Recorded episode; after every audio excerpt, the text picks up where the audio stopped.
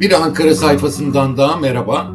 Ankara seçim sonrası ekonomi tedbirleri daha yeni yeni kendini göstermeye başladı ve e, bayağı hareketli günler yaşıyoruz. Mecliste hareketin odağı çünkü torba yasayla birçok vergi ard arda geldi. Kurlardaki artıştan sonra bir de bu vergi artışları gerçekten ortalık karıştı diyebiliriz açıkçası. Ve e, görünen o ki seçimden önce de söylediğimiz gibi Temmuz ayından itibaren bir enkaz yaratılacak ve bu enkazın altından nasıl kalkılacağını göreceğiz diyorduk. Benim şahsi gözlemim Mehmet Şimşek'in çok fazla hazırlıklı olmadığı, çok fazla anlaşarak bir programla gelmediği ama el yordamıyla kendi politikalarını uygulamaya çalıştığı ama bunda da çok başarılı olamadığı Cumhurbaşkanı'nın frenine takıldığı yönünde. Asıl frene takıldığı bir başka yer en büyük parasal disiplin açısından faiz kararı oldu ve faiz kararı e, beklentilerin altında kaldığı için bir sürü yan faktör ortaya çıktı. Bunların en büyüğü de seçimden sonra yüzde otuz değer kaybeden Türk lirasının değeri oldu ve burada da frene basıldığını görüyoruz. Ama burada bir başka unsur var. Hem Merkez Bankası Başkanı hem de Mehmet Şimşek dalgalı kura gidileceğini, şeffaflık olacağını, rasyonel politikalara geri dönüş olacağını söylediler. Ama bunu pek yapamadıklarını görüyoruz. Gözden kaçan bir şey var. Bunun üzerinde durmak istiyorum bugün. Mehmet Şimşek geldi ama eskinin kontrollü kambiyo rejimi sanki devam ediyor. Ne demişlerdi? Rezervlerden satış yapmayacağız demişlerdi. Merkez Bankası Başkanı da söylemişti. Mehmet Şimşek de söylemişti. Kamu bankaları devrede olmayacak demişlerdi. Ama bunlar kurdaki artış yüzünden ve Cumhurbaşkanı'nın buna dur demesi yüzünden bayağı bir sekteye uğramış durumda. Şu anda kontrollü kambiyo rejimi ve rezervden satışların kısmen devam ettiğini, bu konuda istediğini yapamadığını Mehmet Şimşek'in söylemek lazım. Bütçe açığıyla ilgili tartışmalar var. Seç, e, daha doğrusu bu e, tedbirlerden önce 2 trilyonu aşacağı bütçe açığı söyleniyordu. Abartılı bulunuyordu. Bütçe açığının milli gelire oranının %10'a çıkacağı söyleniyordu ki bunlar hep teknisyenlerin uyarılarıydı. Abartılı bulunuyordu ama belli ki son bir tartışmalı madde bütçede bütçe açığı ile ilgili borçlanma ile ilgili madde vardı. Son meclise verilen etki analizinde gördük ki borçlanma sınırını 2 trilyon 181 milyar TL'ye kadar çıkarma yetkisini almış durumda. Bu da Mehmet Şimşek'in daha önce söylediği Maastricht kriterlerine uyacağı sözüyle biraz çelişiyor ve bundan sonrasının ne olacağını bakacağız.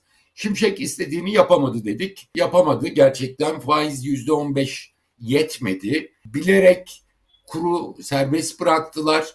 Bence yanlış bir politikaydı tümüyle bırakmak. Çünkü aldıkları ihracat dövizlerinin en azından bir bölümünü piyasa talebi için geri vermeleri gerekiyordu ama bunu da vermediler. Öyle olunca da kurlar çok hızlı yukarı çıktı. Ama son bir haftadır görüyoruz ki pazartesi frene basıldı. Büyük ihtimal Cumhurbaşkanı'nın talebiyle frene basıldı. Çünkü Mehmet Şimşek bir şekilde rezerv biriktirmek için nereye giderse oraya gitsin tavrındaydı. Ama 26 lira dolar kurunda kalındı. Şimdi son bir haftadır 26 TL ile 26.09 TL arasında gidip geliyor kurlar. Merkez Bankası müdahale etmeyeceğiz demişti. Hatta bir ara kur korumalı mevduattan dönüşler için bankalara döviz vereceğiz demişti. Ama böyle bir şey yok. Yani olmayan bir şeyi sırf kamu bankaları kanalıyla müdahale etmiyoruz demek için böyle bir şey gerekçe uydurdular. Ama böyle bir şey e, gerekçeyi uyduracak bir zemin yok. Çünkü kur korumalı mevduat artmaya devam ediyor. Ve bundan sonra da artmaya devam edecek gözüküyor bu ortamda. Böyle bir durumda yine müdahaleler yapılıyor. Örneğin gördüğüydü sanıyorum salı günü 490 milyon dolar rezervden bir azalma oldu. Yani kurları tutabilmek için rezervden satış yapmıyoruz dediler ama geçtiğimiz salı günü bu yapıldı. Ertesi gün şey 390 milyon dolar satıldı. Ertesi gün çarşamba günü 450 milyon dolar rezerv arttı. Genelde rezervde bir artış var ama rezervden kura müdahale etmeyeceğiz sözü yerine getirilemiyor şu anda. Akışa bağlı olarak, döviz akışına bağlı olarak kuru tutmak için belli ki rezervden yapmak zorunda olsalar da kura müdahale etmeye devam ediyorlar. E, o zaman rasyonelleşmenin neresindeyiz? Bence daha hiçbir yerinde değiliz açıkçası. Bir rasyonelleşmeden söz etmek mümkün değil. Dalgalı kur sistemine tümüyle piyasaya bırakılmış bir dalgalı kur sistemi Mehmet Şimşek'in söylemesine rağmen olmuyor. Mehmet Şimşek bence hazırlıksız geldi ya da yaptığı hazırlıkları Cumhurbaşkanı Erdoğan'a kabul ettiremedi. Bir kısmı zaten biliyoruz istediği kadroları kuramadı. Bunun çok e, büyük etkisi var. Yani yeni politikayı eski yöneticilerle uygulamak mümkün değil. Bu çok açık gözüküyor. Özellikle Merkez Bankası'ndaki politika uygulayıcısı değil hatta e, politika belirleyici haline gelen iki tane başkan yardımcısı aynen duruyor Gaye Erkan'ın yanında ve hiçbir değişiklik Merkez Bankası'nda yapılmadı. Cumhurbaşkanlığı ekonomi danışmanları özellikle iki kadın durmaya devam ediyor ve eski politikaları sürdürmek için sürekli Cumhurbaşkanlığıyla temas içindeler. Bence 26 TL'lik dolar kuruna e, müdahale edilmesi de e, bu kanalla gelen bir müdahaleydi. 26 TL'ye niye çıktı dolar kuru? Çünkü faiz yeterince arttırılmadı. %15 ile yetinildi. Piyasa beklentilerin çok altındaydı. E, bu yüzden kurlarda bu kadar yükseliş oldu. Çünkü Mehmet Şimşek bir an önce rezerv biriktirmek istiyordu. Rezervler birikmeye başladı. Daha önce bir haftada 8,5 milyar dolardı bayram öncesinde. Şimdi tam rakamları bilmiyoruz ama rezerv artışı devam ediyor. Ama maliyeti büyük oldu. Üstüne üstlük de yeni bir ihtilaf konusu olarak önümüzde duruyor. Bu nereye kadar sürecek dersek aslında çok açık biçimde ortada duruyor. Yani Mehmet Şimşek belki şeyine hedefine ulaştı mı kurları serbest bırakarak bilmiyoruz ama eski yönetim devam ettiği sürece Mehmet Şimşek'in istediklerini yaptırması çok mümkün gözükmüyor. Şimdi PPK kararı çok önemli bir noktaya geldi. Piyasada Temmuz toplantısında faizlerin ne kadar arttırılacağı konusunda beklentiler yükselmeye başladı. Daha önce piyasada baktığımızda 17-20 arasında bir beklenti vardı Temmuz toplantısı için, faiz politika faizi için. Şimdi 20 ile 25 arasına bunun çıktığını görüyoruz piyasadaki beklentinin. En az 20 olması gerektiğini söylüyor uzmanlar ve mutlaka kararlı bir biçimde arttırmaya devam edeceğizin mesajının verilmesi gerektiğini söylüyorlar. Aksi takdirde ne olur dersek turizm sezonuna rağmen e, kurda e, talep yeniden artabilir ya da rezervlerden düşüş meydana gelebilir. E, ama 20'yi yapıp devam edecek dersek e, Merkez Bankası e, yaz ayları rahat geçer. E, çünkü cari açık açısından da daha uygun bir ortam olacak yaz aylarında.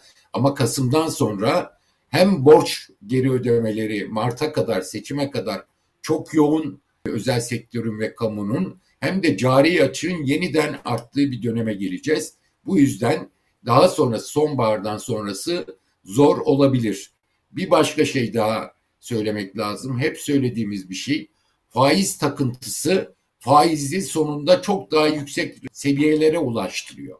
Yani yüzde 25 e, faiz artışını geçen ay yapılsaydı yüzde otuzlarda otuz beşlerde bu iş kalabilirdi tepe nokta faizde. Halbuki şimdi en azından yüzde kırka kırk beşe çıkması gerekecek gibi gözüküyor.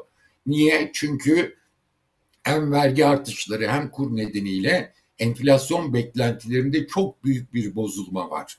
Yani en düşük tahminde bulunanlar bile yıl sonu için yüzde 55 rakamını telaffuz etmeye başladılar. Yani bunun daha da üstüne çıkılabilir gibi gözüküyor. Tabii ki tüketici kredilerinin maliyetini yükselttiler ama kredilerdeki durum ne olacak? Orayı da takip etmek lazım. Yani iç taleple ilgili durumu takip etmek lazım. Ama biliyoruz ki Cumhurbaşkanı Erdoğan seçime kadar iç talebi canlı tutmaya devam etmek isteyecektir. Büyüme oranlarını yüksek tutmaya devam etmek isteyecektir. Bunun sonucu olarak da enflasyonun daha da yukarıya çıkması kaçınılmaz gibi görünüyor. Dediğimiz gibi yüzde en yüzde 50-55 arası en iyimser tahminler. O zaman ne olacak? Siz arkadan geliyorsunuz Merkez Bankası olarak. Aktif rol almıyorsunuz. Enflasyon yükseldikçe arkasından siz gelmeye başlıyorsunuz ve kararlı tutum gösteremediğiniz için faiz ihtiyacı, piyasanın faiz ihtiyacı daha da yükseklere çıkıyor. Dediğimiz gibi %30-35'lerde kesilebilecek bir faiz artış trendi şimdi 40'lar 45'lere en az gidecek gibi gözüküyor. Aksi takdirde sonbahardan sonra kurların tutulması çok mümkün gözükmüyor açıkçası. Durum bu parasal şeyde. Diğer yere baktığımız zaman e, işte torba yasayla gelenlere e, kur artışına baktığımız zaman hep söylüyorduk, seçimden önce de söylüyorduk. Büyük bir enkaz devralacak yeni hükümet diye. Yeni hükümet değişmedi. Eski hükümet kendi yarattığı enkazı şu anda temizlemekle uğraşıyor ve bunun için çabaladığını görüyoruz. Bayağı zorlandığını söyleyebiliriz. Çünkü Cumhurbaşkanı'nın eski anlayışı devam ediyor. Nedir bu eski anlayış? Enflasyon yüksek olacak. Artık enflasyonla samimi olarak yani sözde artık enflasyonla uğraşıyoruz diyor. Ama samimi olarak uğraşmadıkları çok açık. Çünkü enflasyon arttıkça bunun maliyetini halka yüklemeye devam ediyorlar. Hep diyorduk e, fatura büyüyor, seçim harcamaları üstüne de deprem geldi. Fatura halka çıkacak diyorduk ve oluyor. Yaptıkları düzenlemelere bakacak olursanız kurumlar vergisinde 23'ten 25'e bir çıkış var. 100 e, milyar gibi bir e, fatura e, buradan gelecek iş kesimine deniyor. Ama onun gerisindeki bütün vergi artışlarının ÖTV, KDV gibi tüm halka yaygın kesimlerden alındığını görüyoruz. Artı dar ve sabit gelirinin enflasyonla birlikte her ay cebinden para çalındığını unutmamak gerekiyor. Devlet enflasyonu yükselterek vergi gelirlerini bu yıl olduğu gibi yükseltiyor. 6 ayda bir yüksek zam vermiş gibi görünüyor ama sonuçta halkın yoksullaşma devam ediyor. Dar ve sabit gelirlinin üstüne binen yük devam ediyor. En son olarak şu andaki en büyük yük emeklinin sırtında kalmış gözüküyor. Bir düzenleme yapılacak mı onu bilmiyoruz ama yapmak zorunda kalabilirler çünkü 14 milyon emekliden söz ediyoruz. Yani kararlı bir ekonomi, yeni ekonomi politikası, rasyonel ekonomi politikasına geçilebilmiş değil. Gördüğümüz bu. Bunun yanında bir sürü yan etki var, giderek büyüyen sorunlar var. Kur korumalı mevduat bunlardan biri. E, kur korumalı mevduatta sürekli e, süre uzatılıyor. Artı e, kur korumalı mevduatta bütçe açığını azaltmak için bu yükü de Merkez Bankası'na yüklediler. Yani parasal genişleme yani enflasyonu arttırıcı bir etki yaptılar. Bütçe açığını düşüreceğiz derken e, artı önümüzdeki dönem Merkez Bankası'ndan hazineye gelecek geliri de şimdiden kaybetmiş oldular. Yani yanlışı yanlış politikalarla devam ediyorlar. E, kurlarda çok büyük artış var ve kur korumalı mevduat devam ediyor. Bence 2024'ün sonundan önce kur korumalı mevduatta bir tasfiye imkanı kalmamış gibi gözüküyor. Çünkü faizin ve enflasyon beklentilerinin oturması, döviz rezervlerinin yerine gelmesi gerekiyor ki sonra aşamalı olarak işte e, kur farkının önce yüzde yetmiş beşini ödeyeceğim deyip sonra yüzde ellisini deyip yani Türk lirasına cazibe kazandırılmazsa normal Türk lirası mevduat hesaplarına cazibe kazandırılmazsa kur korumalı mevduat devam edecek gibi gözüküyor ve bunun e, yükü de giderek artıyor. Bu seneki yük son yüzde otuzluk e, devalüasyondan sonra çok daha büyük bir rakama geldi. Bütçe açığı tartışmalı dedik. Orada tartışmalı bir madde vardı. Metinde de bürokrasinin hatası yüzünden böyle olduğunu düşündük. Bayağı Ankara tartıştı bu konuyu. Bütçe açığının borçlanması için, bütçe açığı için borçlanma için borçlanma yetkisini bakan yüzde beş üstüne Cumhurbaşkanı yüzde beş arttırıyordu. E, bunun üç katı kadar artacak dediler. Öyle olunca e, 660 milyarlık bir açık 880'e anca çıkar dedi bürokratlar. E, bazıları da bunu e, bütçe açığı yani 659 e, milyar dolarlık milyar TL'lik bütçe açığının 3 katı kadar borçlanma yetkisi alınıyor dediler. O da e, 2 trilyon 181 milyardı. Bir yandan bütçe açığını azaltıyoruz diyorduk. Yüzde 2.2 trilyona çıkacak diyorduk. Ama e, e, Mehmet Şimşek açıklama yaptı. Maastricht kriterlerine uyacağız. Depremin yaratacağı faturanın dışında bütçe açığının milli gelire oranında Maastricht kriterlerine uyacağız demek. Bu yüzde dört gibi bir rakama denk geliyor ama 2, 2 e, milli, trilyon 181 milyar liralık bir borçlanma yetkisi al, aldığına göre demek ki borçlanma çok daha yüksek olacak. Yani bütçe açığı çok daha yüksek bir rakamlara çıkacak gibi gözüküyor. Bir bizi şaşırttı. O zaman yüzde dörtten bahsedemeyiz. Mehmet Şimşek'in söylediği yüzde dört o zaman yerine getir, gelecek bir madde değil. E, ne olacak o zaman? E, dediğimiz gibi yine yüzde sekizlere dokuzlara tabii ki deflatör etkili olacak, büyüme e, etkili olacak bu oranın belirlenmesinde ama bir şekilde bütçe açığının milli geliri oranının yükseldiğini göreceğiz. Bu kadar borçlanma yetkisi aldıklarına göre o zaman ne olacak? Belki de yüzde dördün üstündeki kısım için bir yüzde dört daha olursa buna deprem etkisi deyip bir bahane bulmaya çalışacaklar gibi görünüyor açıkçası.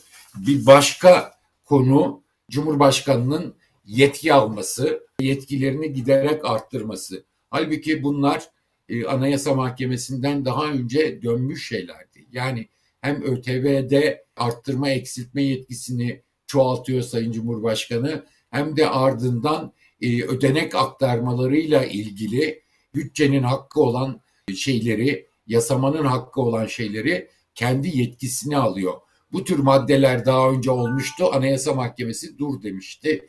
Motorlu taşıtlar vergisinde 99 depreminden sonra da aynı şeyler olmuştu. Bir kez daha e, çifte e, motor taşıtlar vergisi almasını Anayasa Mahkemesi durdurmuştu ve iade işlemleri o dönem bayağı karışık bir hale almıştı. Yani şunu demek istiyorum. Seçimden sonra hukuki normlara uyum konusunda bütçe hakkının yasamanın olduğuna uyum konusunda çok daha pervasız bir yönetimin ortaya çıktığını Anayasa Mahkemesi'nin kararlarına rağmen söyleyebiliriz. Bu e, genel olarak genele e, ve Türkiye'yi yönetmede hukukundan daha uzaklaştığımıza dönük bir işaret olarak da algılanabilir diye düşünüyorum. E, haftaya tekrar görüşmek üzere.